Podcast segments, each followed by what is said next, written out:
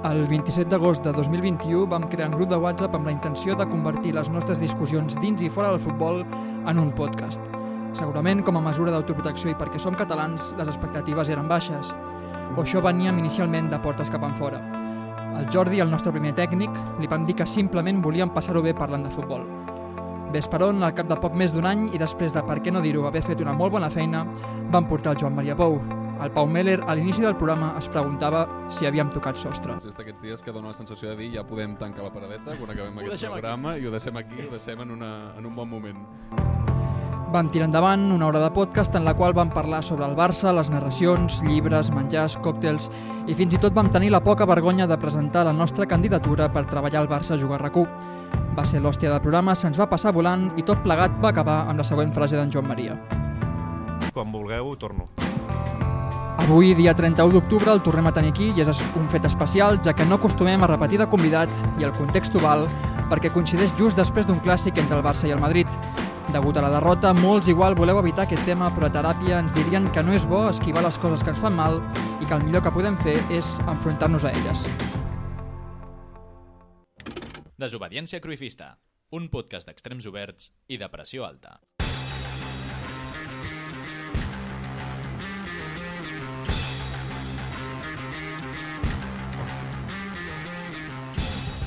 Bona tarda, bon vespre o bona nit. Sí, bona nit, ha canviat l'hora. No faré el discurset de cada any, només remarcar que entrem en l'època fosca de l'any. I no ho dic jo, només cal mirar per la finestra cap a dos quarts de sis. I el que queda. I per si fos poc, com hem escoltat en aquesta brillant introducció de l'Adrià Lúria, venim de palmar el primer clàssic de Lliga. Però no tots són drames, venim de veure com Aitana Bonmatí ha guanyat la seva primera pilota d'or i com Leo Messi ha guanyat la vuitena. I si això us sembla poc, doncs porto més bones notícies. Tornem una setmana més, com podeu escoltar i veure, perquè això és un podcast que es veu, fet que no deixa de sorprendre'm. I ho farem com sempre, amb el Meller, el Massaguer i el Lúria. Us parlo jo, Pau Balada, i no voldria començar sense saludar abans el Xavi i a la Ingrid, l'amo de l'estudi de l'arbre de la calma i la nostra tècnica que tiraran endavant aquesta segona part, perquè ja està bé d'aquest tòpic de les segones parts, que el Padrino 2 està allà. És un honor tornar-te a tenir amb nosaltres, Joan Maria Pou. Dit això, au va, comencem. Avui no hi ha test tampoc, No, hem canviat el i amb format. aquest magnífic silenci, Joan Maria, benvingut de nou. Hola, com esteu? Oh, m'encanta que ens ho preguntin a nosaltres. És millor que m'ho pregunti el Joan Maria que tu, eh? Doncs respon, va, com estàs, tio? Jo estic bé, molta feina, com sempre, però i això és una bona notícia. I al Totalment. final, amb Anaconda, igual que en el primer programa, que vaig dir això, Anaconda. Emocionat pel programa, però molt deprimit amb el canvi d'hora. Ho porto fatal. Jo que això d'inicis de novembre, canvi d'hora i tot això, però endavant. Això segur que ajuda a animar una mica. E- És un, és un tema, m'agrada molt perquè és un tema eh, d'aquests que cada any, cada any des que tinc ús de raó, parlem del canvi d'hora. Hi, hi ha una, segurament entre 30 i 50 temes que si us hi fixeu, els mitjans de comunicació cada any, de manera periòdica. El fred, el- ara sí. vindrà el preu dels panellets, ara vindrà el que la castanyera ja no té cap sentit amb aquest temps que fa, d'aquí res és com és que cada vegada s'encenen abans els llums de Nadal, eh, després el, el, el preu del peix i del marisc abans de cap d'any, Eh, no, podríem fer una, una Un sèrie recull. de temes i el canvi d'hora és un d'ells perquè a més des de fa uns anys ens van dir ja està, serà un dels últims eh, anys Canvis que hi ha d'hora. canvi Portem d'hora, així ho 10 deixarem, anys. ho Portem deixarem. així 10 anys. man. I, I no i hi ha- dic de debò perquè el 2013 recordo que van dir d'aquí res plantejaran treure-ho perquè no surt a compte per les empreses. La Unió Europea, que no, no es posa d'acord. Però no, no ha passat. Però Álvaro, em faltes tu. Com estàs? Molt bé. Eh, bueno, molt bé. El Barça ha estat pitjor que jo. Fent. Que això ja és molt... Ja, ja ho Mare veurem. de Déu. Jo us he de dir que estic molt feliç de tornar a estar una setmana més amb tots vosaltres i amb el Joan Maria de nou. I ja que estem ubicats, anem a la teca, anem a veure què ens porta qui en sap massa.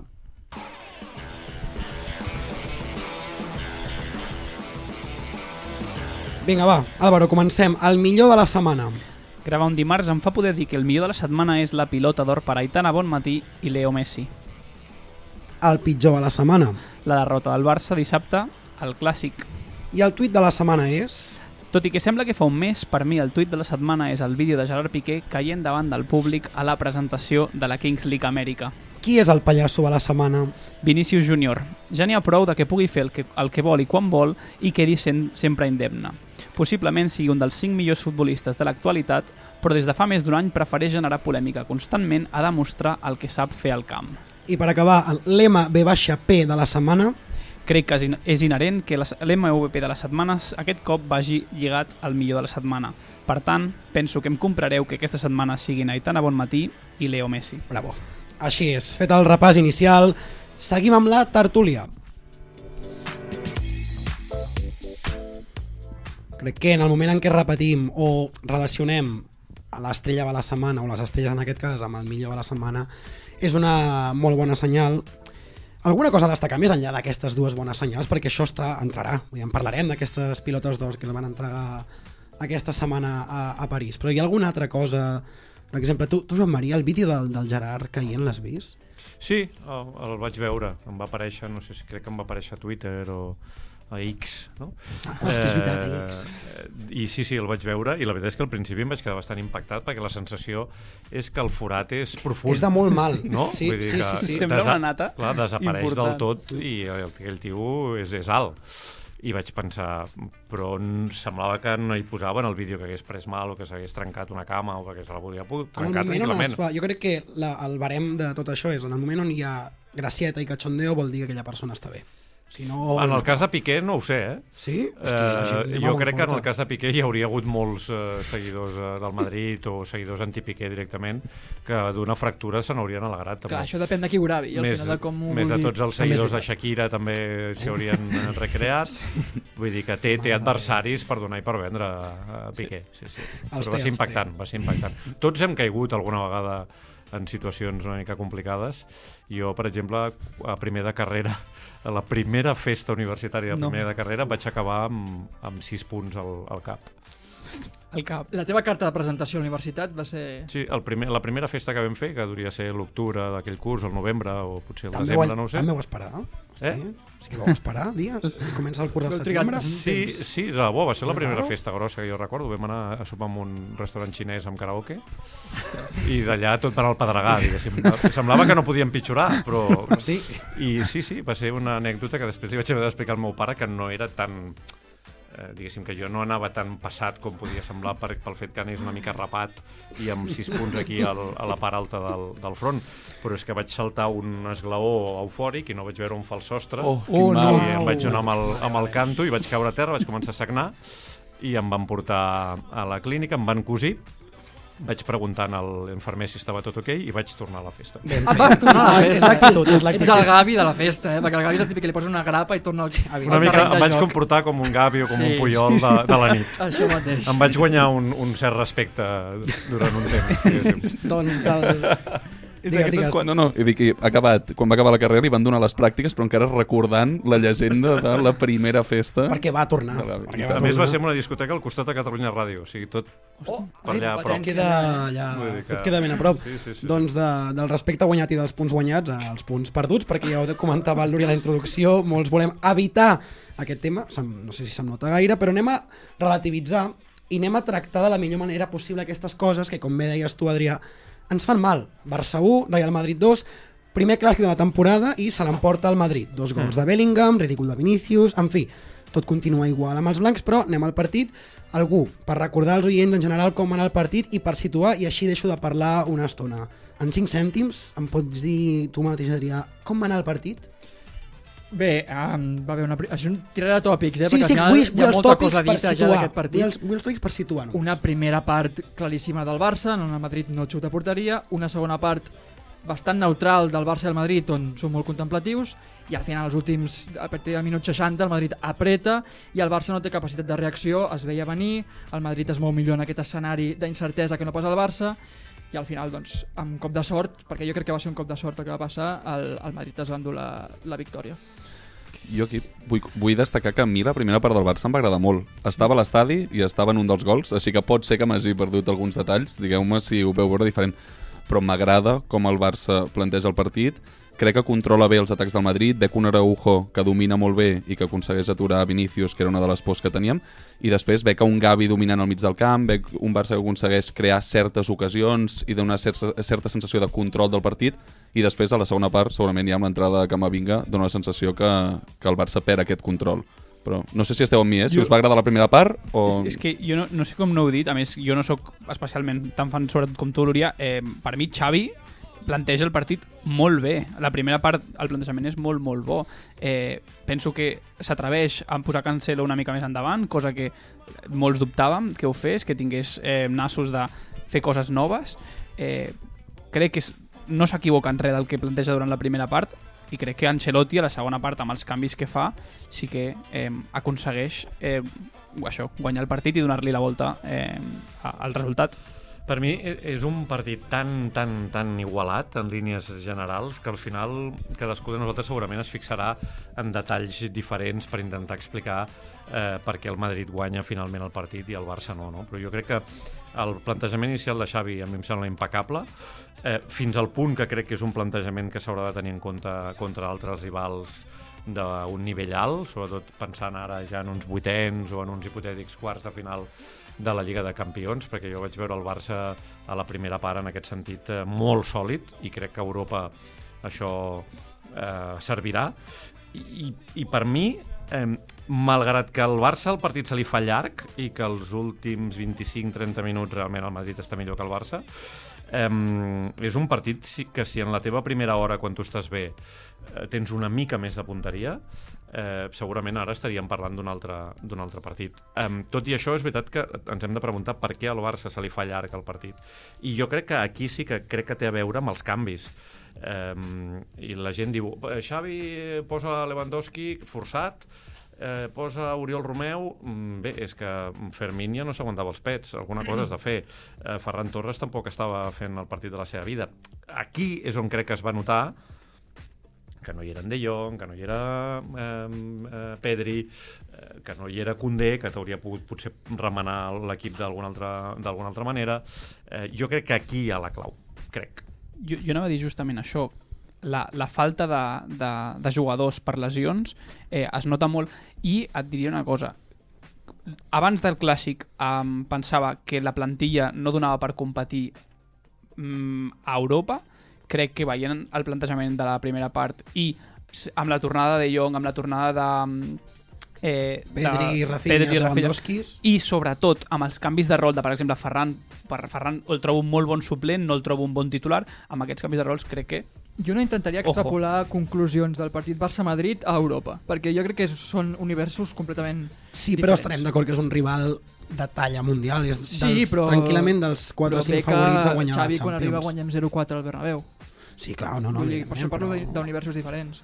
Però jo crec, que és, jo crec que és un partit que tu te'n vas a casa amb la sensació, evidentment, de tristesa o de ràbia, de frustració, com li vulguis dir, perquè segurament era un partit que en circumstàncies normals l'empates i ja està, i, i aquell cop de sort quan ja no tens temps de reaccionar, Modric toca una pilota que no la volia tocar d'aquella manera i Bellingham la caça, això és una mica incontrolable, però jo crec que hi ha moltes coses de les que passen al, a la primera hora que poden servir per créixer, que poden servir perquè d'aquí un temps mm, aquest hagi estat un punt de partida perquè el Barça li vagin les coses una mica millor. Jo crec que sí.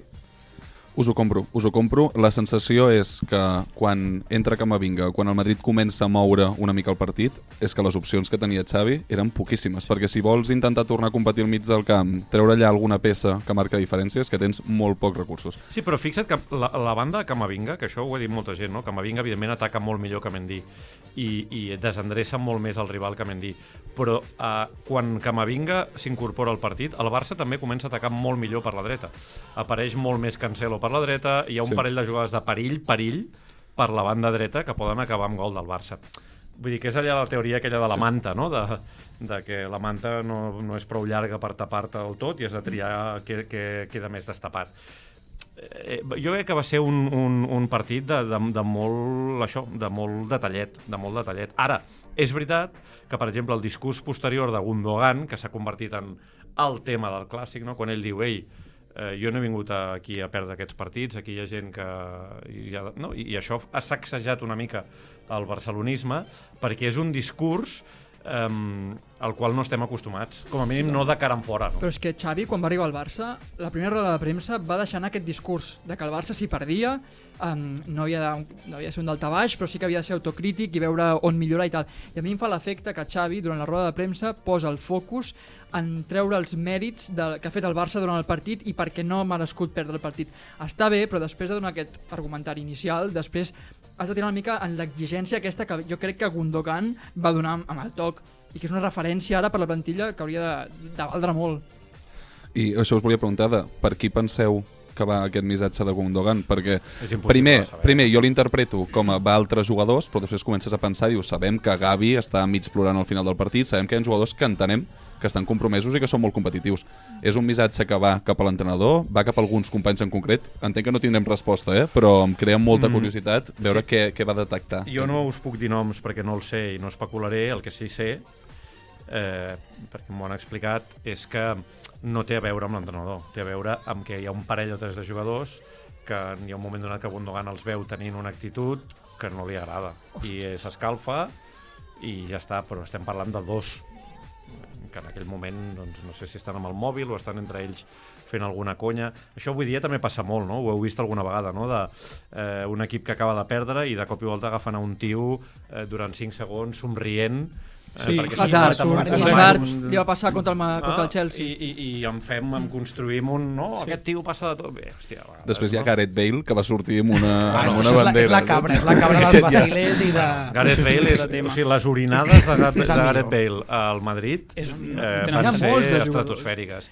Però, eh, però jo crec que, que, que el discurs de Gundogan, que hi ha hagut gent que ha estat molt crítica de dir no, això s'ha de fer dins el vestidor, qui, quina irresponsabilitat, jo sóc dels que defenso que és un, un exercici de lideratge i que crec que està fet amb un esperit no d'assenyalar ningú, perquè ell, acaba, ell diu jo sóc un dels veterans i jo eh, he de formar part d'aquest canvi d'actitud. Sí. Eh, jo crec que el que està intentant és dir-li a l'equip, ei, tios, eh, que hauríem pogut guanyar aquest partit. Que, I que tenim ens hem nivell. equivocat. Som-hi. Sí, sí, i que tenim nivell, o sigui, que no ens ha passat eh, un rodillo per sobre, és a Sí. dir, que, ostres, que ho hem tingut... Eh, una altra cosa també, ve d'on ve. I, Sí. i, I ve dels entrenadors que ve, i Gundogan ha tingut eh, uns entrenadors... Bueno, el millor entrenador de la història. I Xavi també. Eh, Aquest és el tema, el Xavi també ha entrenat amb Guardiola. també és Clar. la personalitat d'un i d'un altre. Gundogan serà un bon entrenador. Jo penso que Gundogan serà un bon entrenador. Pot Ojo aquí, eh? rescatarem clip d'aquí uns quants anys, m'agrada, m'agrada. això de, Digues. del vestuari, que no està bé especular amb noms, perquè al final no sabem qui va tenir aquell Ah, comportament... llença't a la piscina. No, no, no, no, per no- llest, t'ha tocat. Diu, Vinga. és que la tenia apuntada. Primer, deixa'm, deixa'm argumentar i després, si vols, Argumenta noms. per driblar-me de la mateixa manera que igual en la temporada de Valverde jo podria tenir una hipòtesi de que igual un Arturo Vidal o un Leo Messi podrien tenir un comportament d'aquest estil, jo ara veien el Barça com un bloc molt unit i tots a una, i la nova era, una mica aquesta és l'eslògan, no? Sí, Llavors, sí, em sí. sobta que això, hagi- que això hagi pogut passar perquè el mateix Gavi va sortir plorant. Correcte. Llavors, no sé quin jugador, de Eh, veritat... És evident que no és Gavi, és evident que no és Araujo, és evident que no és Ter Stegen. Eh, Ja- eh, eh, vull dir, i, i, i jo crec que tampoc... És que jo no em faria un gramassa. Exacte. Jo crec que Gundogan, entre l'escalfada d'haver perdut contra el Madrid, veu en aquell moment aquell parell i surt a fer les declaracions i jo crec que ho aprofita també, insisteixo, per intentar construir alguna cosa. A vegades quan fem després aquells relats a posteriori no, d'un equip que ha guanyat no, i fan aquells documentals o fas aquells muntatges de aquell dia vam, ens vam conjurar, etc. doncs depèn de com vagi la temporada és possible que aquest discurs de Gundogan quedi com, com un abans i un després. Vosaltres recordeu Anoeta. el famós pollastre de Noeta, Anoeta. Mare de Xavi Déu. intentant que Luis Enrique i, i Messi no s'assassinessin entre ells, precisament Xavi, que en aquell moment exercia de capità, etc. Era suplent de i Rakitic posa i ho una va mica de, assumir. De seny i el Barça acaba guanyant el triplet eh, clar, a posteriori allò ha quedat com el moment no? en el cas del Dream Team de Johan Cruyff hi ha una famosa derrota a Saragossa 6 Barça 3 a la Romareda que els capitans eh, Koemans, Zubizarretas, Vaqueros i companyia reuneixen amb Johan Cruyff i li diuen mm, això no pot continuar així, ens hem de protegir una mica més, hi ha com una mena de, de, de, de aquelarre, diguéssim, tàctic, i el Barça acaba guanyant la, aquella lliga Correcte. després de perdre 6 a 3 contra el Saragossa. Vull dir, hi ha moments en la història de l'esport, però també del Barça, en què una conversa a temps, una sacsejada a temps, serveix perquè després les coses millorin. Veurem si és el cas o no. Guardiola el 2008, amb el tema d'Eto, Ronaldinho i Mm. tal, també va haver un abans i un després, va parlar amb el vestuari. I el volia fora. Veig que sou molt elegants, sobretot el Joan Maria, que també ho ha de ser, i no us atreviu a dir el nom. Dale, dale, jo, va. si me l'he de jugar com a, sí. com a valent d'aquest podcast, Sí. és un cedit, segur. És un, dels, és un dels dos Joaus o els dos Joaus. Jo si me l'hagués de jugar. pensat, però alhora no sé, És veig que la resta com el... Vaig, Joao Fèlix, el dia de la presentació, estava plorant també. És que potser és Cancelo. Sí, és que, potser és Cancelo, però és, to, és purament especulació. Evidentment, perquè això no té cap Cancelo tipus a de vegades fonament. juga els seus partits, a banda del partit que estigui jugant al Barça, i potser també juga les seves reaccions posteriors a una Sí, però derrota. O sigui, jo, de fet, l'altre dia vaig anar amb uns amics al joc i hi havia un periodista esportiu parlant de, Ah. de Cancelo i deia que a l'inici, en la primera temporada, el, ve- el veuria concentrat durant tota la temporada i que potser es deixaria anar una especulació en, en les següents temporades, I però que en això- aquesta que- temporada veies concentrat. Que, això del joc, què és, això? És, un, és un restaurant que està al carrer Mallorca. Mallorca amb Pau Claris. Sí. Amb Pau Claris. Claris Prou bo. i, i Passeig de Gràcia. No, per, la- si la gent Hi vol aniré. context...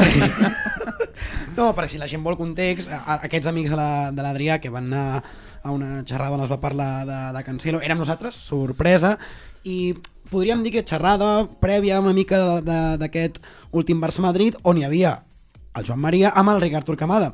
Tu recordes algun dels pronòstics que es va fer durant aquella xerrada, Joan Maria?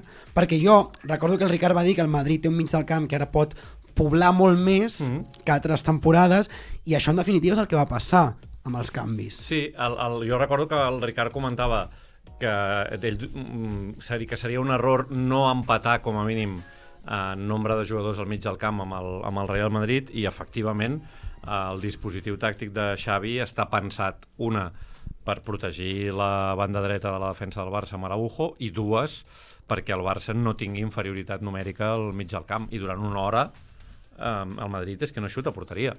I el Barça té un control tant eh, de la pilota com de la defensa després de la pèrdua que demostra que el plantejament inicial és bo si en aquell, però al final els condicionals del món de l'esport, no? Fermín xuta al pal, Íñigo remata el pal, Araujo fa aquella rematada que la treu Kepa, sí, sí, eh, li fan un penal, penal, com una casa Araujo bé, són una sèrie de moments en què et poses 2 a 0 en principi i aleshores què hauria passat? No ho sabrem mai. Eh, però no ho vas fer i després el Madrid, passa. quan va tenir la seva mitja hora, doncs sí que ho va fer. El tema del penal és clamorós. No, no val la pena entrar-hi molt perquè tampoc no hi podem fer res. Però que el VAR no entri d'ofici a dir revisa, sisplau, aquesta estirada, em Mm. sembla molt fort. Bé, amb, el- amb el Bar passa això, això ho explica el Jaume Molló, el meu company del Barça Juga RAC1, que és una mica l'expert en aquest món, que diu que si, el, si no és flagrant, que el Bar no entra ara, no? Però, però és que per mi és flagrant. Eh, que aquest concepte és tan subjectiu de si... No? Recordeu en el seu dia que ens van dir eh, no pitaremos penaltitos. No? Sí. Que jo vaig pensar, vale, què és un penaltito? I, i aquí el, el problema. Recordeu, hi va haver-hi també aquesta polèmica amb una entrada que li fan a la Min Yamal, no sé quin partit és a casa, no? La que era vermella. Si l'arriben a... Que, que li No, és un penal a. Mallorca. No, Sí, penal a Mallorca, penal a penal a Mallorca. Si és penal o no és Penal penal. a. Eh, és que a partir de quin contacte es considera que és penal o no, no ho sé. Però aquella agafada, de, a mi em sembla que és deliberada, i tu el que fas és que, diguéssim que neutralitzes a un rival que té molt bona rematada de cap perquè sí. intenti rematar, i ho fas d'una manera precisament molt flagrant, per mi. Però Clar, clar, però llavors quan implementem el VAR? Quan el fem servir? Si només Ah, amb les el objectives, tema. Aquest- amb no. els fores de jocs instantanis... No, no, mm, amb, amb, amb l'àrbitre aquí hauria pogut intervenir-hi. Hauria Val. pogut, si ell considera que és un penal evident, ell ha de cridar a l'àrbitre i dir-li, escolti, miris això perquè s'acaba d'empassar vostè un penal. Eh, però ho fan molt menys del que jo em pensava que ho farien. Per exemple, al- a l'àrea, als cornes, a les faltes, jo pensava, s'haurà acabat la famosa manera de defensar, que és Neutralitzar agafar. un tio agafant-lo i no és així, passa sí, sí. a cada jornada passa que hi ha agafades que dius, hòstia, això no és una agafadeta I, de, i els, en general el bar no, no, no hi entra, però hi haurà un dia d'aquests que entrarà, eh? Sí, sí, i sense per, mi, per mi hi ha un problema i és que el VAR actua com a ajuda i no com a segon àrbitre. El VAR hauria de ser un segon àrbitre en una sala que piti també. És a dir, que si veu un penal claríssim, que el piti, que pugui... Oye, tal, i està actuant com una ajudeta de dir, no has vist això, potser és penal. Ostres, no té ningú sentit que una cosa és un error humà, no ho veu, però si ho hagués vist, si, Segur de fet, si està davant d'aquesta jugada i ell no xiula penal, és que, bueno, Però, Brazo. però el que estic intentant explicar, Álvaro, és que el quadre Fernández, això ho explicava el Jaume, no avisa Gil Manzano perquè considera que és una jugada interpretable. és a dir, ell només pot intervenir si considera que la jugada no és interpretable, que, que és penal. Però és, interpre és interpretable si toquen o no la Lamin Yamal a Mallorca. Llavors hi ha un embolic. Mm, terrible. aquest, aqu- per tant, aquí hi ha un grau de subjectivitat Sí, sí. molt alt. Sí, Sí, molt alt. No, Quan, no, va, quan va sortir el bar ens preocupava si s'havien carregat la salsa del futbol No. i la polèmica. No, que... No, no. Està, clar, està clar que no. No, i després, però hi ha dies, en canvi, eh, que és al revés. Hi ha dies que no va ser l'altre dia contra l'Atlètic Club, no? que, li, que aixeca la bandera l'assistent, no? i assenyala fora de joc, i del bar diu no, no és fora de joc, i per tant val el gol, no? Va ser així, no? no va ser l'Atlètic Club, crec, o, sí. no, no sé quin dia hi ha que el Barça, El Shakhtar de... Potser que sí, el del, el del Shakhtar. Amb el Shakhtar, potser em sona, sí. Em sona bastant. que, que el Barça marca un gol, l'àrbitre assistent aixeca la bandera i el bar diu no. Eh, El gol de El de Ferran Torres. El de Ferran Això, Torres. que remata Sí, Fermín i i, Ferran i donen el Torres. gol. No? Exacte, sí. Eh, el que passa que ara eh, jo crec que no només no hi ha menys polèmica, sinó que hi ha una polèmica diferent. Per què? Perquè tens la sensació a vegades de dir però tio, però tio, el tio que està assegut allà mirant la repetició, com és que no ho... No? El Sí. famós penal a, a Milà de Van Bokel, quan tu veus la, Sí. la mà del jugador, dius, però, Són claríssimes. però avisa'l. Sí, sí. Ah, o sigui, aquell tio no va avisar l'àrbitre de dir-li aquí hi ha unes mans que te les has de mirar perquè doncs amb Quadra Fernández jo crec que passa el mateix, que tots pensem que és prou, prou evident com per avisar. Doncs no, segons Quadra Fernández, com que és interpretable, el que ha dit l'àrbitre va a missa. Sortint una mica dels arbitratges i tornant a la xerrada del Ricard Torquemada i tu, jo em vaig quedar amb les ganes de fer-vos un, un parell de preguntes, no va donar temps, i una d'elles és... A mi tal com s'ho cobra, eh? Sí, vull aprofitar el moment. Um, has tingut mai l'espineta de voler treballar amb el Ricard Torquemada? M'hauria agradat molt i segur que haurien treballat molt bé, com es va demostrar en la xerrada, que, que va ser esplèndida i que espero que la puguem repetir en un altre moment així calentó de la, de la temporada. Però no ha estat mai una opció, eh? ni, de, ni que ell creués la diagonal d'allà cap aquí, ni jo d'aquí cap allà. I en relació a això, també volia saber fins a quin punt tu estàs pendent de les narracions de, de Catalunya Ràdio, de la TDT, si aprens coses, si, si tens un ull posat allà, com, com vius aquesta competència? No, no, no, no estem pendents els, els uns dels altres. Pots escoltar narracions i això perquè ara doncs, moltes vegades es pengen els gols a les xarxes i tot plegat i per tant pots estar pendent de com narren els teus companys, com han interpretat la jugada, no? com l'han transmès. Però eh, això que, per exemple, la xerrada amb el Ricard Torquemada, no? hi va haver alguna gent que per les xarxes em preguntava, oh, o em deia, oh, que bé, no? Que puguis fer aquesta xerrada amb el director de, de la transmissió Catalunya Ràdio, no? Perquè a vegades potser la gent s'imagina que hi ha unes certes rivalitats com aquelles que hi havia en el seu moment amb la SER i la COPE o la SER i Antena 3 Ràdio que els periodistes dels uns i els altres s'agradien a les zones mixtes i s'insultaven i tot això, no? doncs a Catalunya mm, això ho, sempre ho hem fet d'una manera una mica diferent, no? I el Ricard i jo vam començar a treballar en això el mateix any, la, la mateixa temporada, sempre hem tingut una relació molt constructiva, molt hem xerrat als aeroports, als avions, quan ens hem trobat, sempre hem tingut una molt bona relació, estic convençut que treballaríem junts i seria eh, meravellós, i per tant podem fer una xerrada tranquil·lament al, al joc eh, i a qualsevol lloc i, i no hi ha cap, eh, cap, cap tipus de, de problema, la veritat. Però ja us asseguro que si és el, si és el joc eh, bastant millor. I parlant de, de gols narrats, d'aquells que queden guardats en minicàpsules o pen, penjats a xarxes, si no m'equivoco, aquest gol de Gundogan, l'1-2 contra, contra el Madrid, és el primer gol de Gundogan amb la samarreta del Barça en partit oficial, pot ser? Sí, Sí, correcte. Sí, sí. Sí. O sigui, pues, vale, és que vaig pensar al moment i vaig dir, no estic segur, però... A pretemporada marca algun, no? perquè Crec Dic que no. oficial, no oficial, eh? En Clar, és que no, no, ara no estic segur. No, no, no marca. A més portar un dorsal diferent, així que em faig la, la pitxa un liu. Perquè tu, Joan Maria, recordes com vas narrar aquest primer gol de Gundogan? No. No, t'ha anava a dir, eh? ho sabia que no perquè era bastant difícil. Em diu, sí, vaig dir això, tenia això, em cagava a sobre. Així de clar t'ho dic. No sé si recordeu que l'any passat vam fer una mena de joc d'endivinar les teves narracions. En el programa d'avui vaig estar a punt de no portar-ho perquè vaig pensar, ostres, venint de l'impacte del clàssic, potser ara no vindrà de gust escoltar narracions de clàssics, tal, però vaig pensar, crec que podem treure pit dels clàssics perquè Sí, el Barça, en el duel directe des de Revià de Guardiola, crec que podem treure pit de... Anem a dir, anem a dir resultats, victòries. anem a dir resultats. Bueno, el 2 a 6, el 5 a 0... El meu preferit, el 0-4. 5 a 1, 0 a 4, està ple de pallís. 2 0 4 és el Bernabéu. Ah, clar, és que jo parlo Sí, del primer, sempre escollir, parlo del primer, Podem escollir, hem de Oh. pujar una mica la moral. Sí, sí, sí. Um, llavors us porto el joc de l'últim dia, però amb gols de, del clàssic. Que comenci la secció.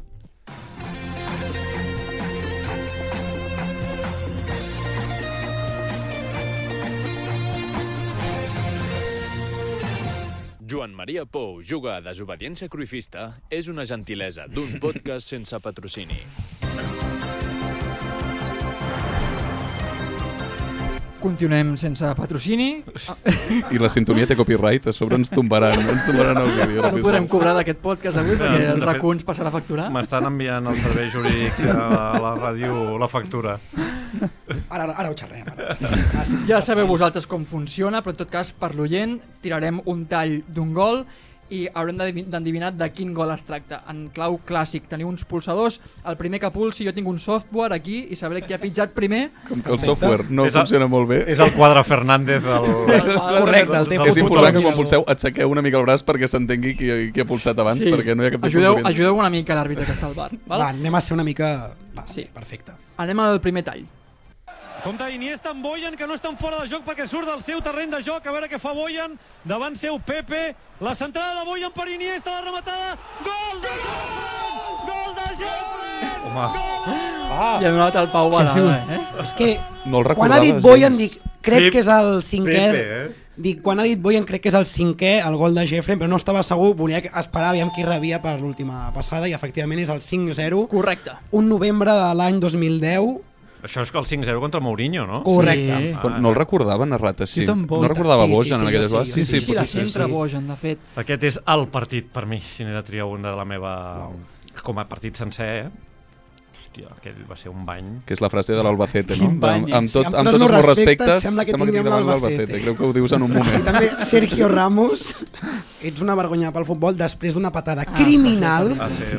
criminal a Leo Messi. I la imatge que ens va donar aquella patada de Messi sortint del Oi, terreny de que joc maco. mig coix però com mig somrient amb Cristiano Ronaldo capcot mirant al terra. Bueno, perdona, Oh, és que ho té tot. va el- mirar el la graderia Sí. i semblava Russell Crowe a Gladiator. Sí, sí, sí, sí, sí. Surt amb un punt, Jo amb un competeixo. somriure de... M'acabo de pentinar els bàrbars Sí, sí, sí. eh, de dalt a baix. Sí. Aquell Aquell, partit- dia Messi no fa cap gol I és i és... Un assistències, un pal... Sí, sí. Pregunta ràpida, en aquell partit dius Sergio Ramos, ets una vergonya pel futbol? Amb el temps et vas arrepentir d'aquesta frase No. o en aquell moment...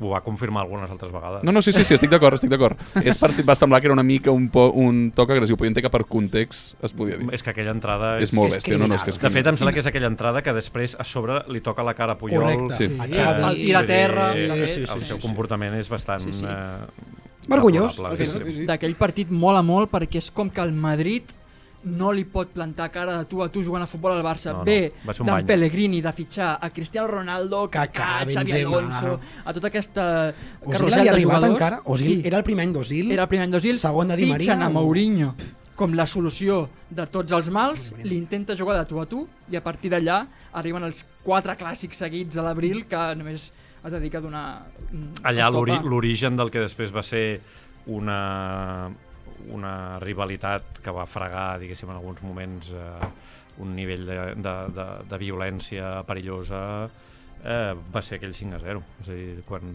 quan eh, Mourinho surt escaldat d'aquell 5 a 0 es transforma en allò que es va transformar. Uix, derrota fàcil de digerir, va dir. Sí, sí. Eh. Molt, Um, molt fàcil. Encara no no l'ha digerit avui. Vull dir que... Algú està tocant. Deixo de, deixo de tocar l'alarma aquesta i Algú passem... està anticipant-se ja al Sí, següent sí, moltes ganes de jugar teniu. Passem al següent tall. A veure. Coentrao, Coentrao, Hòstia, Coentrao. supera una línia de pressió, fa la passada per Bale, l'autopassada de Bale, oh, que bé Bartra. Jo. Qui ha estat, l'Àlvaro? És el de la final de Copa. Continua Sí. Bale, continua Bale, el xut a Bale. Efectivament. Espera, espera. Això ho apagaré, eh? al final m'està molestant No, l'alarma. sóc jo! Ah, ets tu! Clar, això, és un atra això és un atracament. Acabo de carregar. Has d'aixecar la mà, has d'aixecar la mà Deixa, quan deixa. piques. Pues... No, però acabo de canviar el volum, és igual. A partir d'ara no podreu tocar l'alarma No. perquè he canviat el so, vale? Haureu de, de fer com la, la vella escola. Això Un és- aplaudiment. No, però jo l'he tocat. Sí, però ara ha canviat... Ha canviat el so i ara sembla que estic trucant aquí a la porta. Aquest és el gol de Bale a la final de la Copa del Rei contra el, Ah, el. Barça. Mestalla. O sigui, Sí, has, sí. tirat, has tirat un He gol del volgut, Madrid. Sí, he has fet un volgut, gol del he Madrid. volgut fer mal. posar-vos una mica... I dius molt bé Bartra, aquí dius us- molt bé Bartra. Aquí us explicaré una anècdota, que és que en el, des de la meva posició, crec que aquest partit és a Mestalla, Correcte. i des de la meva posició, des de la cabina, en el moment que eh, Bale, diguéssim, es fa l'autopassada i eh, jo veig a Bartra tapant a Bale, en aquell moment jo deixo de veure Bale perquè a Mestalla la cabina diguéssim, està posada d'una manera que hi ha una part de la, de la banda, diguéssim, d'aquí que si no t'incorpores no la veus. I aleshores jo deixo de veure Bale i em penso que és perquè Bartra l'ha aturat i aleshores Bale torna a aparèixer perquè surt del camp, recordeu la... la... Sí, sí, sí, sí, sí, sí. No? Ella es fa una Martino per autopassada, allà. surt del camp, torna a entrar i aleshores és quan dic no que ve Bartra, no, se l'acaba de fer eh, de mala sembla, manera. Sembla que no arriba, Bartra. Sí, sí, Una sí. cosa, s'ho va fer? O es va trencar de veritat? Jo crec que és Jo mentida, crec que la rampa fer. és mentida. La, vull dir, Fins és... es va veure tot tan superat físicament. Bale en aquell moment era un portent físic i era espectacular com, com Mm. la, la seva... O sigui, la zancada que tenia. La, gal- eh, Gambada? la gambada. Eh, jo crec que s'ho fa, no? Potser sí, no ho sé. És veritat que tots ens ha passat alguna vegada, no?, de, de tocar malament la pilota i mirar la gespa o la bota. Sí, o, tota... Qui no s'ho va fer era la Pinto, pala. eh? Jo bàsquet, o la pala. clar, jo, jo bàsquet fallava un tir i feies, ui, et tocaves la muñeca, com dient, que hi ha hagut alguna que no estava bé. Sí, sí, sí. Aquella temporada va ser bastant dolenta pel Barça, és la temporada de la dècima. Posa'ns alguna alegria, posa'ns alguna alegria. Voleu alegries? Vinga, va. Vinga, va, següent tall. Té la pilota Messi al mig del camp, Messi s'associa amb Busquets, Busquets li torna la pilota a Messi, que ha superat l'As, continua Messi, Vale. 3, continua Messi, entra a l'àrea, entra a l'àrea el petit Traiem el gol. Pau Balada ha estat el primer. És el 0-2 de les semifinals de la Lliga de Campions de la temporada 10-11 que ens porta a la final de Wembley. És la de l'expulsió de, de Pepe, no? Sí que encara diuen que no el va tocar i Sí. que no era perillós ni... que, que va haver-hi aquells, aquells uh, programes de televisió que feien com intentaven amb la imatge tirant endavant i Punto tirant pelota. enrere que, que com Sí. si gairebé el genoll de- d'Alves impactés en, De en fet, Pepe i no al revés no? Em sona que un diari va manipular on estava la pilota perquè semblés que anava per la pilota, diguéssim, i no... No, al, al contrari, que diguéssim que tocava la pilota claríssimament i no pas anava cap al genoll. Era... Per què? Sí, és sí. el meu gol preferit de Messi, aquest, eh? Sí? Jo crec que també. És que no sé, estan, Del estan pare els també. El context és molt És- és- important. és El Barça venia de perdre la Copa del Rei contra Un el gol de Mourinho, Cristiano, de no? Cristiano De de cap, i arribàvem en hores baixes i aquell partit Clar, estàs mig classificat a la final de la Champions, Sí, sí. guanyes la Lliga i no guanyes el triplet de miracle perquè es va perdre la Copa del Rei, però dona aquell impuls per tenir una temporada magnífica. Bé, després fas el millor partit que s'ha fet en una final de la Champions. Sí, mateix, és el preludi. No? Contra el. United a Wembley. Allò és uh, estratosfèric, sí, sí. Anem a pel quart i últim tall? Doncs som-hi.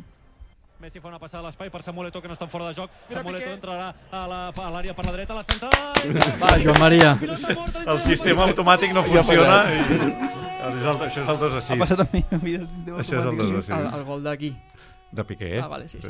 Ho anuncien, eh? Perquè 2 a diu, 6 al Bernabéu i l'ha ve- fet Piqué. Ah, Bé Piqué. mateix. Com es gira, que bo. El primer que ho veu, saps qui és? El Sape. Sí que diu, bé Piqué. No he posat aquesta part del Sape perquè llavors ja us És hagués donat la abans, pista. oi? Però molt abans el Sape ja veu com el Piqué està fent la desmarcada i eh, realment la passada inicial podia semblar per Samuel Eto'o, però el, el Sape ja veure el Piqué, un moment màgic, Vaya no cal, excursió, eh? no cal explicar aquesta història perquè és magnífica, tots la coneixem. I més és un golaç, perquè tothom es pensa Oh. que la dona enrere i el tio, no, no, mitja volta i cap a dintre. Després ell explica, uh, després d'aquest gol, ell explica en el seu dia que va veure a Messi desmarcat, però va dir, el 6 el foto jo al Bernabéu. Molt de Eh, Piqué, això. I, i efectivament eh, va ser així. I de fet aquell partit, més enllà del 2 a 6, que és gloriós, és molt important, perquè després això ho ha explicat el Pep Guardiola, que el Barça arriba crec a 4 punts al Madrid, i sortia d'allà un si perdia, i ell sempre ha dit que està convençut que haurien perdut la Lliga si perden aquell partit. I que es va donar el millor invent de la història del futbol, que és el fals nou. Buah. que això ho ha explicat ja està explicat també, no? que el dia abans de viatjar a Madrid al vespre, tarda vespre, Pep Guardiola truca a Messi i li diu, pots venir a la ciutat esportiva? Jo m'imagino Messi allà amb el gos aquell gegant que tenia i, i el sofà de casa dient, ah, aquest pertorbat. Que bo aquest què boig, ara." no? Diu, no, i va dir, bueno, doncs ara vinc. I és quan li va explicar tota la pel·lícula. Com lo ves? Ja me l'imagino allà remenant imatges. No, L'altre no. li va fer... No, Vale. No sabia entendre Vosaltres, res. clar, vosaltres veieu a Messi Vale. a les xerrades tàctiques molt atent? Jo, jo crec que és pura intuïció, que ell, Ah, el sí. tema d'escoltar relatiu, però Curt, després curt, arriba... Curt. curt. Si és curt i és directe Ah, i té un sentit, sí, sí. Sí, Donald Trump, no? L'eslògan clar i, I, concís. I el Tito, que el cel sigui, eh, deia una cosa, diu, i també era molt important a la gespa, a la, a la ciutat esportiva, és quan parlaves amb Messi, era molt important que no, no passés una pilota a prop. Perquè si passava la pilota ja la- Totins. ja l'havies perdut. Ja A estava, eh? l'esponja. ja, ja, ja, ja era com, no? Vull dir, ja tenia ganes de- d'entrar en contacte amb I la, amb la aquell, pilota. aquell equip com estava construït, tothom tenia una funció, excepte Messi, gairebé, en el sentit de que um, necessitaves lliure. a Henry obert a l'esquerra, necessitaves els extrems molt oberts, els interiors, Perdona, i després Messi dia- era fes... És que aquell dia tu has, de, tu has de convèncer Messi de jugar en aquesta posició, però després has de convèncer a un tal Samuel Eto'o Sí, sí. i a un Sí, tal sí. Thierry Henry Sí, sí. que juguin d'extrems de moment per generar un espai eh, per Messi els dos li compren i després Henry és un dels homes del partit. Sí, sí. És a dir, perquè el tio hauria pogut girar-se de dir, escolti, que jo sóc, jo sóc qui sóc, a mi que ara que em fas fer aquestes coses estranyes, i de cop i volta es converteix en un dels homes del partit, perquè acaba caçant uh, l'esquena del, de la defensa del Madrid diverses vegades. Mhm. I que li demana que no vagi gaire cap a dins, que, Ah. que s'esperi obert. Sí, sí, tant.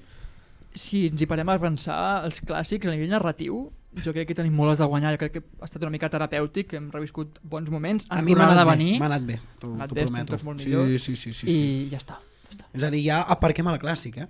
Ah, perquè Sí, ara fins a la propera. Ens tornem a veure, En exacte. principi, podria ser que el Febrer, no? 14 de gener Sí, eh, si guanyem a Riad una altra vegada. Ah, sí. Ah, si el ja. Barça guanya Osasuna i el Madrid guanya l'Atlètic de Madrid, es podria donar una altra vegada la final de la Supercopa d'Espanya. I si no el març, i si no aviam la Copa del Rei, i si no aviam la, la Champions. Sí. A Wembley, potser l'1 de juny. Buah. Segur. Mira, no la podria veure. Eh, dit això, Jo aparquem... sí, jo sí, No, jo- Tocarà, però jo ho passaria bastant. El, meu, el bastant problema malament. seria què faria amb la meva carrera professional de l'endemà de narrar una final de la Champions contra el Madrid si la guanya el Barça.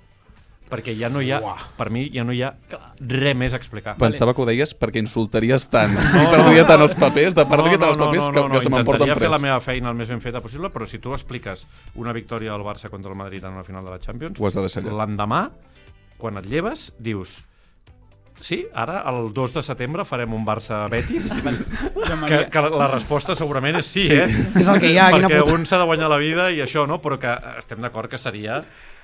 Vaja, jo crec que no hi ha cap altre partit que pugui superar això. I de la mateixa manera, el culer, a nivell de satisfacció, Bueno, és que s'ha acabat. s'ha acabat Sí, la història. sí, final. Els Ni 14 decimoquarta, Champions del Madrid hòsties, se'n poden no. anar... Si li guanyes una final a la cara, el Ja està. relat canvia totalment. Mira, jo, de fet, avui jo no, no he portat una secció com a tal, he portat unes quantes preguntes que volia llançar en algun moment i aquesta és una d'elles. Eh, que si poguessis triar quin partit t'agradaria per tancar la teva carrera, Aquest. aquest és un partit ideal. Ara, clar, la prèvia...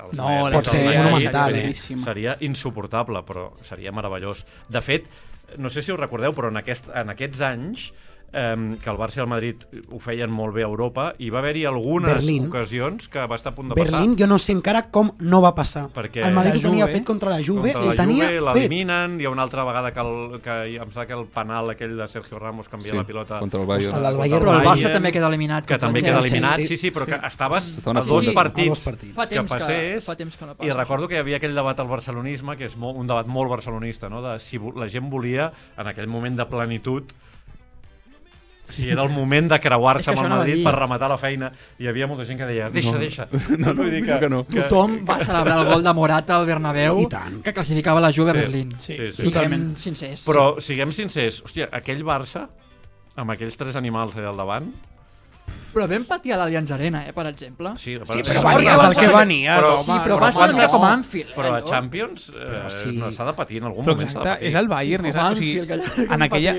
a més, el Bayern, que en aquell moment era un Bayern que fot molt, Molt fotia molta Guardiola. més por que Que- ara. Però Molt més escolteu, por que ara. la gent s'oblida que la temporada 2008-2009 el Barça va jugar una anada de la primera ronda d'eliminatòria contra l'Olimpíc de Lió a Lió, que aquell partit crec que acaba 1 a 1, Mhm. i acaba 1 a 1 de miracle, perquè pots perdre 3 a 1 o 4 a 1. És el de Vull dir, Juninho. encara hi era, encara Sí, hi sí, era el gol de falta.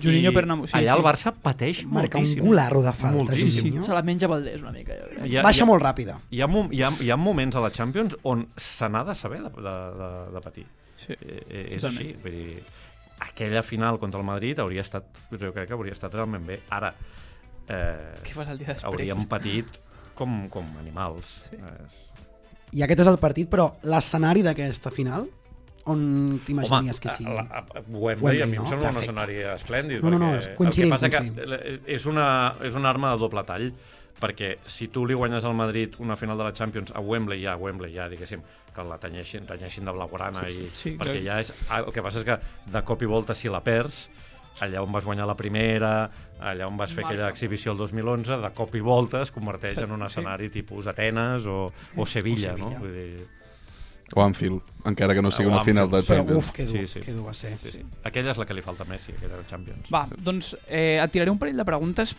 Una és per tu i perquè me la porto fent a sobre un any, des de l'últim cop eh, que ens vam veure, sobretot perquè sé que ets eh, igual de friki, bueno, no sé si friki, però igual de... jugues igual o més que jo a pàdel.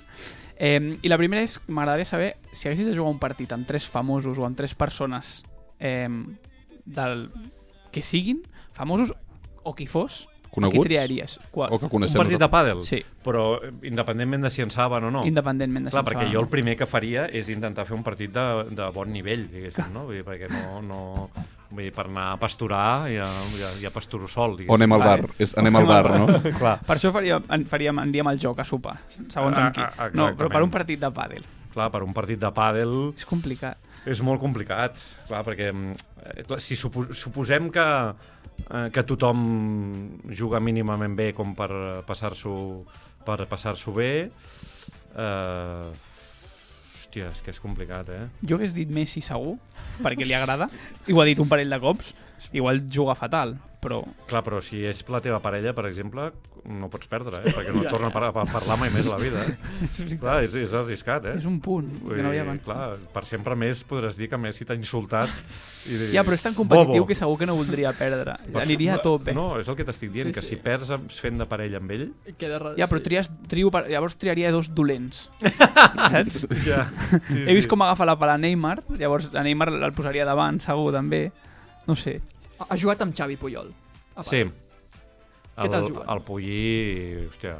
Bueno, juga com jugava a futbol. És a dir, És rebenta a dir, paret. per guanyar-li un punt has de trucar a la policia i, Va, sí, sí, sí. i quan sembla que l'has guanyat l'has de tornar a guanyar i sí, sí, Xavi ha jugat menys eh, molt menys i el que passa que tècnicament bueno, es nota que a la que, jug a la que jugués 30 partits en general els esportistes eh, professionals, exesportistes professionals quan s'hi posen, jo he vist partits allò eh, jo que sé, el Víctor Tomàs, per exemple, Anava a dir-te, un nou, Jugo amb, amb els meus amics. Sí, el, el Jonathan Soriano mm, és, a més és ultracompetitiu eh, hi ha molts exjugadors de futbol de handbol, alguns també això que juguen i, i juguen realment bé. Però per exemple un partit eh, eh, amb el Víctor Tomàs i el Jonathan Soriano tu, en un, tu amb un d'ells i jo amb l'altre Ah, bueno. Partides, no? Jo jugo amb el Víctor Tomàs, que és esquerrà. eh, seria com estudiat, eh? tremendo sí, perfecte, perquè el Jonathan Soriano juga a la dreta eh, Tu, tu jugues a l'esquerra, us també. fotríem una pallissa Mare de Déu, s'està cuinant, s'està s'està cuinant. cuinant. Ja en parlarem. Aquí ho dic. El, no, però el, el Víctor Tomàs juga amb, amb molts dels meus amics perquè juga a Vallà al Parc als Sí, migdies i, sí, sí. i, bueno, això. Doncs allà jo he vist uh, escenes després de perdre punts que no us ho creuríeu. Que Gundogan estaria orgullós. No, no, absolutament. Per pèrdues de papers, però absolutes. Sí, vale. sí, sí, sí. Aleshores, un parell de preguntes per tots. Eh, tinc una... Com a narrador has vist milers de futbolistes, milers, eh, òbviament els millors de la, de la història, segurament, sobretot havent vist a Messi i havent narrat a Messi. Eh, vull saber quin és el futbolista de segon nivell que més t'ha agradat. Al segon nivell et diria no una superestrella. Jo, per exemple, penso en Emre Can, un jugador del, de l'Orsia Dortmund, que és un tio que em va captivar perquè físicament era superpotent, superfort. El Liverpool va fer un parell de bones temporades. Clar, però veus, és molt interessant, flipava. Álvaro, això que, que, que comentes, perquè, per exemple, el, el, jo crec que el barcelonisme ha entès que els millors moments de la nostra història hi ha un, uns jugadors que no surten a cap portada, que són... Bueno, jo estic pensant en Sergio Busquets. Però és el millor de la història en la seva posició. Clar, Llavors, però és per un mi- segon nivell. Ja. Ja. perquè no pot fer no, no guanyarà no, ni s'ha plantejat guanyar una pilota d'or o ser portada del New York Times no? és a dir, Sí, sí. a- en l'Olimp aquest dels Messis, Cristianos, Pelés, Cruyffs, Di Stéfanos eh, no?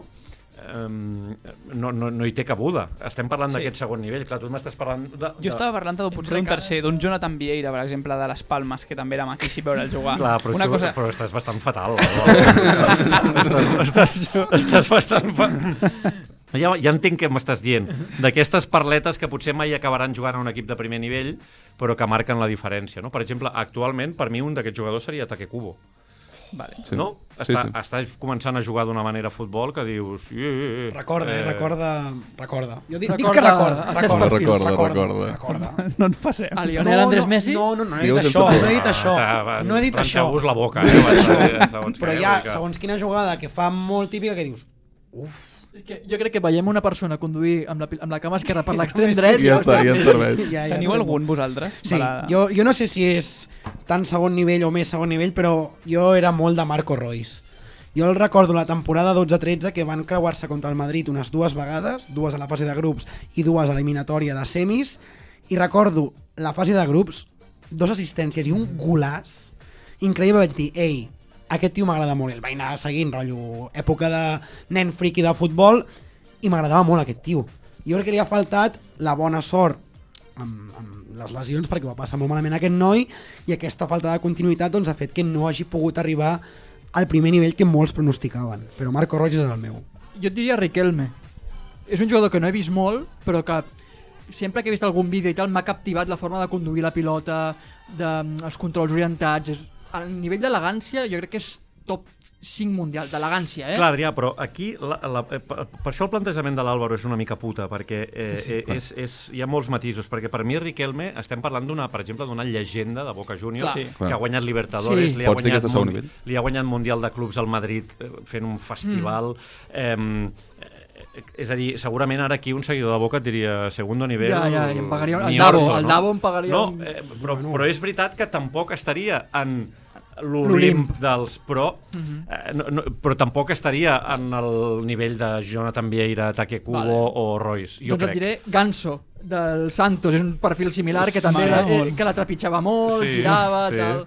I aquest sí que no és de... No, no, no, no, no, no, no, no. Clar, però et puc dir a Duriz, Luc de Jong, tot i haver jugat al Barça El contra poeta el del Barça, gol, eh? el poeta el del gol. poeta del gol. Sí, jo, aquest poeta jo del soc gol, aquest sí. davanter centre Hòstia, populista realment, de gol de cap minut 90. A mi aquesta gent em captiva. Ets un fi estilista, eh? A mi m'agrada que tinguin els peus per pujar a l'autobús, però gol al minut 90 de cap. Jo sóc aquest, aquest d'aquest El perfil. Barça d'aquests no ha tingut algun, eh? Sí. i contra l'Espanyol, jo recordo l'últim de Luc de Jong més important que va ser contra, contra l'Espanyol. És el teu, eh, Pau Meller? Sí, sí, quedo amb Luc de Jong, poeta del gol. Hòstia, jo no m'ho esperava. M'encanta, m'encanta.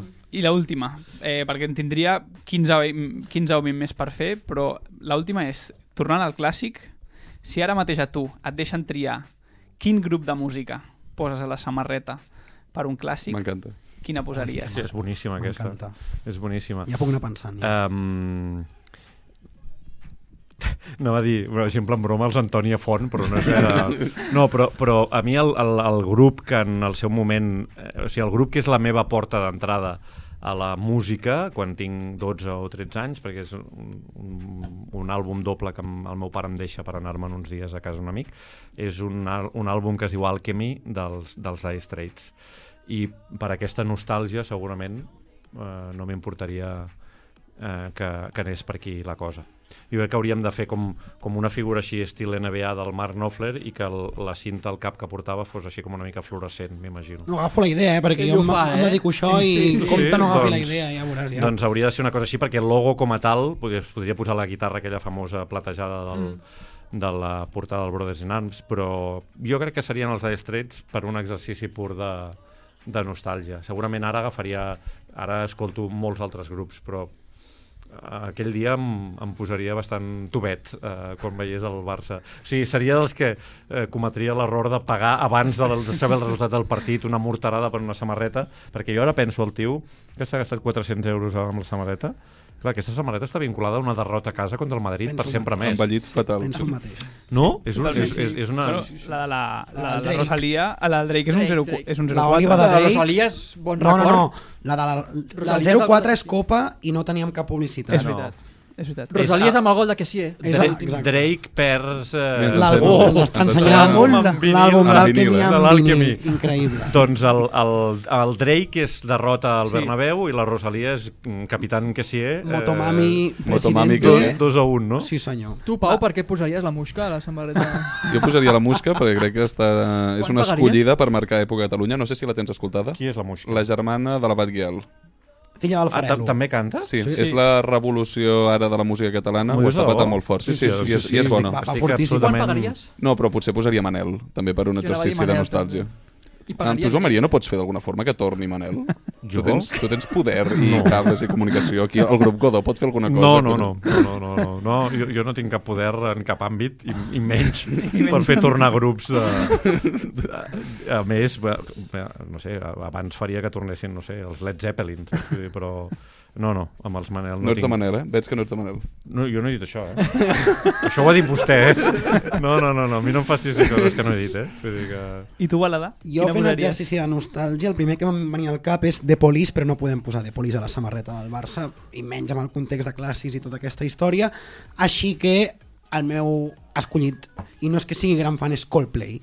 Evidentment, jo quan penso en el. Barça més gran de la història, penso en el Viva la Vida, i per mi un Coldplay amb la tipografia xula dels últims àlbums o la mateixa tipografia de l'àlbum de, Viva la Vi- de Viva la Vida, perdoneu, ja, ja compro. Però per mi que posin Viva la vida directament, ja. Sí. Sí, exacte, i Coldplay en petit. I 2008 i... i Guardiola.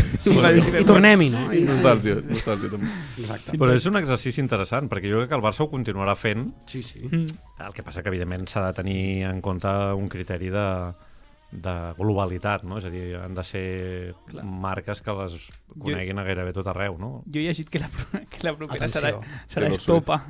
Ah, doncs pues, molt a favor, segur, eh? Molt a favor. Però, però no, no ho entendria gaire, no té com... Vull dir, són d'aquí, són catalans... No? Tant, són del Però Barça. si no surts, no, el de Iniesta- globalització no surts és molt d'estopa. Clar, però no són globals. Estan escollint gent amb més de 50 milions de reproduccions Ah, mensuals. És que potser les tenen, eh? Estàs, I estàs gent- menyspreant El estopa. següent serà Taylor Swift. No, ho penso.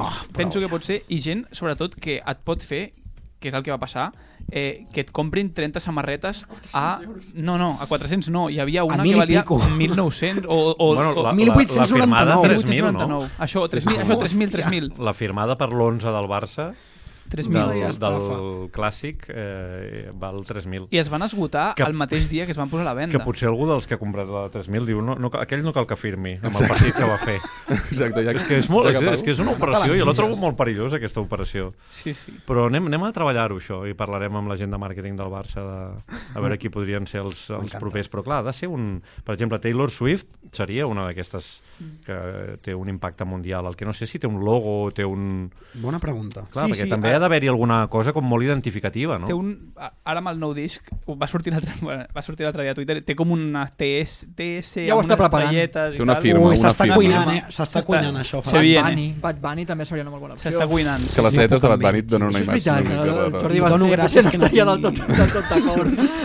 Jo, jo celebro que no tingui un logo reconeixible perquè no, no, no ho veig de, de cap, de cap Sí, però per repercussió Bad Bunny n'ha tingut molta, eh? Sí, que... que, que, que Metàl·lica, No, no, no en aquest últim Doncs disc. Metallica és molt reconeixible. Metàl·lica logo. molaria molt. Mm. Els No sé Beatles, si són que són les cabres de tot això. Sí, però si has portat els Rollings no pots portar els Beatles. No? Bueno, bueno, bueno, per mi no són rivals, eh? Per mi no és ni el mateix estil musical, mira què et dic. No, Perquè Hey Jude, tot això. Però a més els Beatles i, uh, ja, ja, no, ja està. No. Sí, és Paul McCartney. Clar, aquí no hauries pogut portar tres si No. el Keith Richards hagués volgut venir. Bueno, a nivell de... El Bruce, igual A nivell Bruce logístic es complicaria No, per portar a la Lennon. a la, Wi- a la Ouija. No, no, dic que amb els Stones vas, n'hauries pogut portar tres, és a dir, va- en vas portar dos i Keith Richards no va venir pel que fos, però que hauria pogut venir.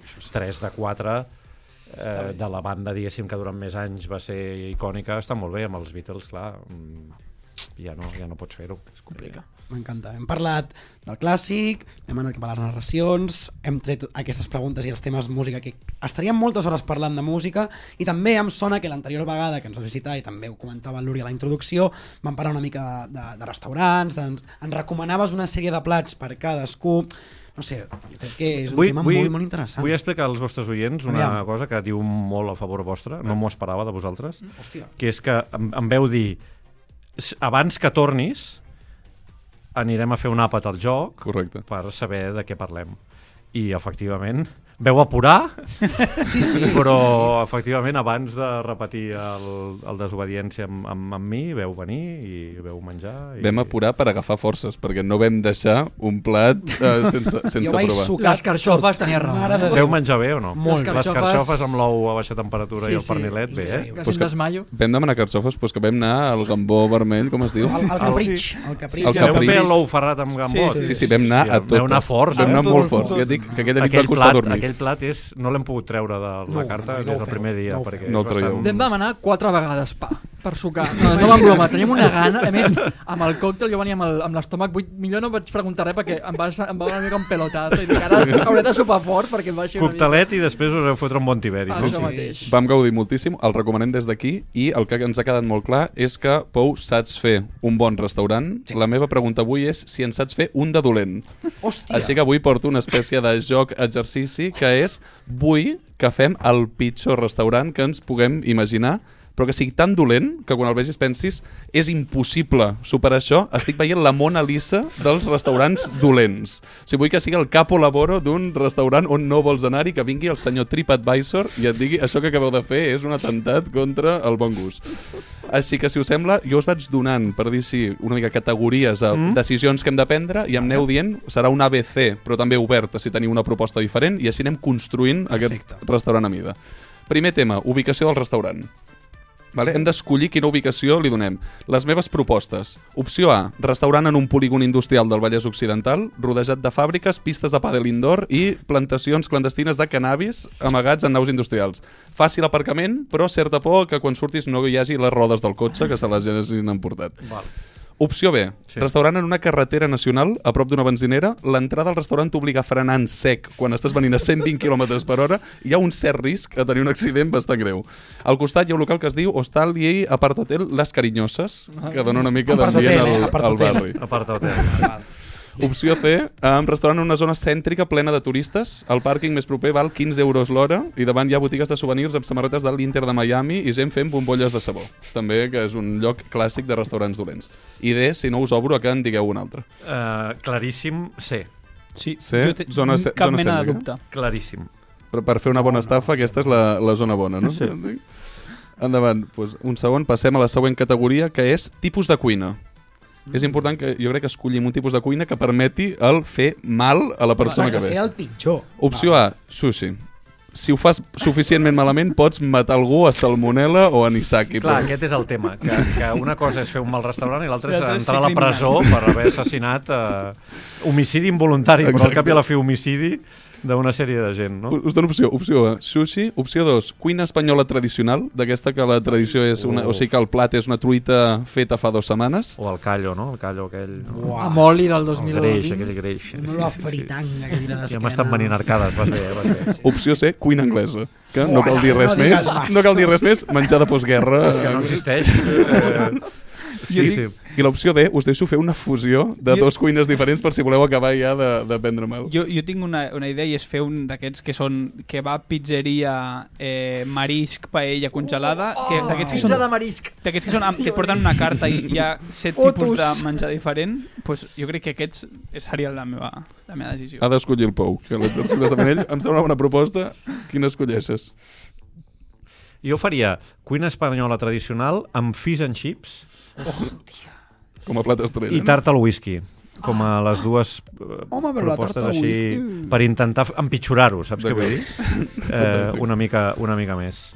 Una altra decisió a prendre. Quants plats donem a escollir? Uh, opció A, carta infinita, d'aquesta que hi ha 15.000 plats mm. on molts són congelats. Planta B, carta extremadament curta, on quan no t'agraden les opcions que hi ha, pateixes per sortir d'allà. Opció C, sense carta. D'aquesta gent de no, el que tenim avui, et recomanem. Per mi, carta infinita, perquè generes unes expectatives que després ensorraràs sistemàticament. O sigui, escollis el que escollis, estàs atrapat. Exacte. I el client no ho sap la primera vegada, com a mínim. Endavant. El xicot era molt anti cartes Sí, infinites. sí, sí, no, Quan em arribava a un el mateix. restaurant i obria una carta i veia allò... La, ¿Pero tienes la camarones? No, pues quítalos de la carta. Croquetes, patates braves i... Una altra decisió. Com serveixen el menjar? Opció A, bufet lliure d'aquest self-service. Opció B, plats d'alta cuina, d'aquests que són molt cars amb racions molt petites. Opció C, a mitja cocció i et porten la pedra calenta perquè tu acabis la feina. Per mi, bufet. I si pot donar voltes a la taula, Giratori, bufet giratori. Molt asiàtic, perquè no? és com... Això, és incorporar a la cuina tradicional espanyola un concepte japonès. O sigui, estem, estem, de, o sigui, estem convertint en deliri el restaurant. M'encanta, perquè eh, ara el següent punt és la decoració i l'opció que et proposo com a decoració és decoració inspirada en un país o regió, o regió però amb clars errors conceptuals que és um, decoració espanyola però hi han um, sombreros mexicans penjats per al mig. Oh, Et puc donar un parell més d'opcions. Hi ha l'altre, un restaurant molt fosc, que això a Barcelona van fer un que es deia Dans Lenoir, que ho van voler portar a l'extrem i han hagut de tancar. I els, i els sentits, no?, que és a les Sí, sí, fosques. doncs han hagut de tancar. ha Han hagut de tancar de lo malament que fosques, va anar. Perquè la gent sí, es feia mal. La llanterna. I um, C, restaurant amb fotos de famosos, que també m'agrada molt aquests, que quan entres hi ha fotos de famosos. Com els assadores de Madrid. Exacte. Hi ha un assador mític que es diu Chisto, que entres i està ple de fotos, des de Maradona a Tom Cruise, els que vulguis. I opció D, una altra, eh? si tens una altra proposta decorativa que pugui fer el pitjor restaurant, Jo eh, faria decoració de restaurant xinès. d'acord. Fixa't, eh? Com... Per Sí, fer sí, un ja. contrast. M'agrada, m'agrada, tocant tots m'agrada. els pals. Estem- Ara us llegiré com queda el... perquè el, el- perquè el client no entengui res, saps? Vull dir, Ara hem d'escollir com és el servei. El servei... Um, opció, brut, molt brut. opció A, um, el cambrer és el fill de 10 anys del jefe. Això passa a Barcelona, que hi ha com explotació infantil tapada amb no, no, és que és el meu fill que està aquí passant l'estona. Opció B, amb cambrers molt bordes, on tota l'estona tracten malament, que això Mm. també passa. Opció C, el cambrer és Gil Manzano, directament. Home, Que sé que aquest és un... aquest és un has tema posat molt fàcil. Gil Manzano brutejant eh, em semblaria M'agrada. meravellós. I l'opció D és que els cambrers fan tota l'estona comentaris de cunyat, que això també n'hi ha uh, a Barcelona molts, que et venen i diuen joder, como bebe el niño, te traigo la dolorosa... El, ca- el, el cambrer humorista eh, També molesta, no? Per mi és pitjor que Gil Manzano, mira què et diré. Eh? Sí, a vegades es passa... Estic d'acord o no? De Sí, dir, no, passes és que malament. ja ens ho fem entre nosaltres. Vull Sí, dir, no les cal bromes, que sí. cada vegada que vingui vostè intenti fer un gag de merda, que a més, com que estic en un puto restaurant xino, amb puta cuina eh, espanyola congelada, amb un puto bufet que dona voltes, eh, deixi'm en pau. Vull dir, I al mig de Ja prou tinc Rambles. amb aquesta història. Sí, no, no, no estic per riure, no, no estic per riure, no, ara Ah, mateix. ara em cobraran 15 euros al pàrquing i he hagut de superar 10 estàtues humanes per entrar al, al restaurant. Doncs ara, per rematar, com tanquem aquesta experiència? Opció A, hi ha música en directe, que això és molt incòmode, És perillós. amb allà el saxofon fent el solo, és terrible. Opció B, um, té un sistema de climatització molt potent, que tota l'estona t'està tirant l'aire condicionat del clatell, que també Uah. molesta. Um, C, a mig àpat ve un mag a la taula a fer algun truc. que també és bastant... Tres ho tenia, amb la- amb el- l'aire condicionat ho tenia claríssim, però el mag. El mag. Una A la que treu la moneda de plata. No? Vull dir, Sí, treu sí, la moneda de plata mentre tu t'estàs traient el tros de, de xoriço eh, El pal huevo congelat que de, tens de- del, de la- de la paella. de, entre les dents i... Uh, Doncs us pinto la imatge. És un restaurant en una zona cèntrica plena de turistes on hi ha cuina espanyola tradicional però amb fish and chips, per, per rematar una mica, amb una carta infinita de 15.000 plats, on és un bufet self-service rotatiu, on donen voltes. La decoració és xinesa, per algun motiu han decidit que la decoració era xinesa, um, i el cambrer és Gil Manzano fent xistes tota l'estona per combinar... Per brutejant, i brutejant. Per combinar i brutejant. I a mig àpat ve un mag per acabar d'enllestir la festa. Jo crec que sortim a la portada del diari l'endemà perquè fem un, fem un strip allà mateix. Ens Perquè faltaria posar-li un, nom- un nom. Quin nom té aquest I restaurant? afegiré un element que crec que és important, que és que els plats que estan rodant tenen un plàstic perquè els tapi, no? I, i si quan tu el tries, no? Has de treus el plàstic i, i et menges allò que, que sigui. Tinc dos propostes de nom, i si no me'n dones una altra. Proposta de nom de restaurant, Tapas, Bar eh, Tapas BCN, que també és horrorós. Sempre funciona. I l'altra senyora, Sidreria Gil Manzana. Oh, molt bona aquesta. eh? Aquesta. Té ganxo aquesta, No eh? digues más, eh? Segur. Clarament. Clarament. Sidreria Manzana. Manzano i l'algoritme ens posiciona dalt de tot en... Jo crec que s'acabaria convertint en un restaurant de culte Exacte. de heu d'anar Del dolent que és, Exacte. és tan Una cosa bo. diferent. Jo crec que TripAdvisor el, el puja molt com de dir, si vols tenir una experiència sí. horrorosa. És com la pel·li aquella, no? tio. Que de de- no vas- es va crear com Sí, sí, aquell de dir, mite de la no, pel·lícula. no aneu a l'Hotel Kruger, veniu aquí a dinar. Absolutament. Ara que hi ha les coses aquestes del, de la por i això, eh, si voleu passar por, aneu a Sidreria Gil Manzano. Ara que, la, ara que la intel·ligència artificial està tan tirada endavant, seria una fantasia poder recrear aquell lloc i... No, No digues més. s'ha acabat. Has, has donat a la tecla perquè el Sisplau, Balades però passi no, la setmana parlant La amb... mecanisme. façana, la façana... Fa molt de temps que no parlo amb el buscador de Bing de la IA, així que li Sisplau. consultaré que em dibuixi aquest Fantàstic. restaurant i veurem què, què tal. Mentre hem d'esperar per veure què tal, sap molt greu dir-vos que toca acomiadar-se, perquè ha passat, ha passat l'hora, així que vagi sonant el bisbal. Mira, mira com puja, mira com puja. M'encanta. Com sempre, moltes gràcies, Joan Maria. A vosaltres. Un plaer tenir-te de nou. Com t'ho has passat? Molt bé. Com l'altra Home de vegada. paraula, eh, nois? Si no, no hauria Això- tornat. Totalment. Sí, sí, sí. També perquè vam guanyar la Lliga, tot sigui dit. Bé, vam quedar així, no? Vam quedar que Sí. si el Barça guanyava un títol important, tornava, doncs... Um, què hem de guanyar perquè tornis? Arribar al final de la Champions. Arribar Home, és molt dolorós, eh? Home, si el Barça guanya la Champions, torno sense cap problema, però al final els vostres oients també diran, hòstia, teniu pocs recursos, no? Clar, jo crec que hem d'anar més enllà, no? perquè és molt fàcil dir la Lliga al final, per molt que costi, és el, és el trofeu de la regularitat, és complicat. Hem de posar-nos un nivell més elevat, que ja, ja No, però ell una- està dient que volta. si ve una tercera Sí, vegada exacte. serà um, too much, però bueno, jo penso que no. Em comprometo, si el Barça guanya la Champions, em comprometo a tornar amb un convidat especial que us agradarà. Vinga. Allò...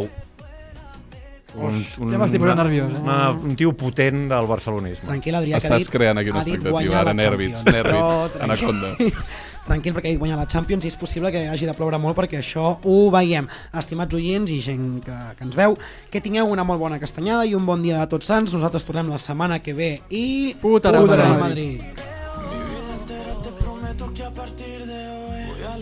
Escribirte como un perdedor. Al fin y al cabo ya no hay nada que contarte.